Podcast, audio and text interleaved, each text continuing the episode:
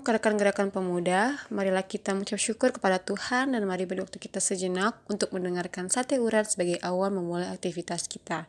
Rekan-rekan, mari kita bersatu dalam doa. Ya Bapa, terima kasih karena pada hari ini Engkau masih memberkati kami Tuhan, masih memberi kami nafas kehidupan. Tuhan kami akan mendengarkan firman-Mu, kiranya firman-Mu Tuhan menjadi berkat bagi hidup kami dan kiranya Tuhan Engkau memberkati setiap kegiatan kami pada pagi hari ini. Hanya doa anakmu, doa minta pengasihan syukur haleluya. Amin. Rekan-rekan, bacaan kita pada hari ini terambil dari Obaja 1 ayat yang ke-8 sampai 14. Beginilah firman Tuhan. Bukankah pada waktu itu demikianlah firman Tuhan? Aku akan melenyapkan orang-orang bijaksana dari Edom dan pengertian dari pegunungan Esau. Juga para pahlawanmu, hai teman, akan tertegun. Supaya semua orang di pegunungan Esau lenyap terbunuh karena kekerasan terhadap saudaramu Yakub, maka celah akan meliputi engkau, dan engkau akan dilenyapkan untuk selama-lamanya. Pada waktu engkau berdiri di kejauhan, sedang orang-orang luar mengangkut kekayaan Yerusalem, dan orang-orang asing memasuki pintu gerbangnya, dan membuang undi atasnya, engkau pun seperti salah seorang dari mereka itu. Janganlah memandang rendah saudaramu pada hari kemalangannya, dan janganlah bersuka cita atas keturunan Yehuda pada hari kebinasaannya dan janganlah membual pada hari kesusahannya. Janganlah masuk ke pintu gerbang umatku pada hari sialnya, bahkan janganlah memandang ringan malapetaka yang menimpanya pada hari sialnya, dan janganlah merenggut kekayaannya pada hari sialnya. Janganlah berdiri di persimpangan untuk menyiapkan orang-orangnya yang luput, dan janganlah serahkan orang-orangnya yang terlepas pada hari kesusahan. Dalam ilmu pengetahuan di ranah psikologi, dikenal sebuah fenomena yang bernama Schadenfreude yang dalam ungkapan bahasa Indonesia diartikan menari di atas penderitaan orang lain.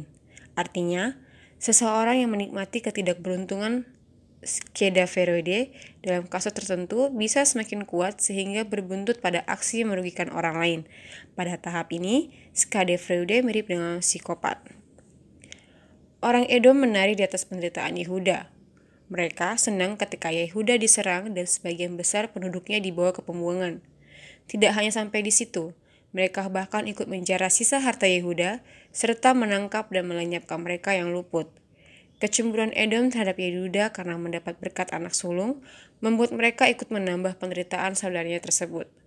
Pada tahap ini, Edom telah menjadi mirip dengan psikopat. Tuhan tidak suka dengan Tuhan tidak suka dan berikhtiar untuk memusnahkan Edom. Ketidaksukaan Tuhan terhadap Edom karena mereka merasa lebih kuat, hebat, dan pintar dari bangsa Yehuda sehingga mereka melakukan tindakan semena-mena terhadap saudaranya sendiri. Kepuasan Edom atas penderitaan Yehuda adalah sebuah penyakit yang harus dilenyapkan. Memang banyak orang bilang bahwa ketika kita hidup biasa saja, maka keberhasilan orang lain sulit untuk diterima dengan baik. Ketika orang tersebut jatuh, maka seolah-olah kita mendapatkan penghiburan. Namun, patut disadari ternyata perasaan tersebut menunjukkan bahwa ada masalah dalam jiwa kita. Apalagi ketika kita ikut dalam usaha untuk mendatangkan penderitaan orang lain. Tentu sikap tersebut bertentangan dengan rancangan damai sejahtera Tuhan yang selalu berkarya untuk mengangkat kita dari penderitaan.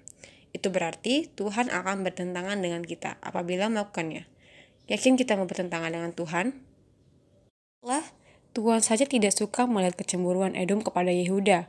Begitupun dengan kita. Janganlah cemburu pada saudaramu sendiri, tetapi kasihanilah saudaramu, maka Tuhan akan senantiasa memberi berkat kepadamu hingga tak terbatas. Untuk menutup renungan firman Tuhan, mari kita bersatu dalam doa. Ya Bapak, terima kasih atas renungan yang kami renung pada hari ini.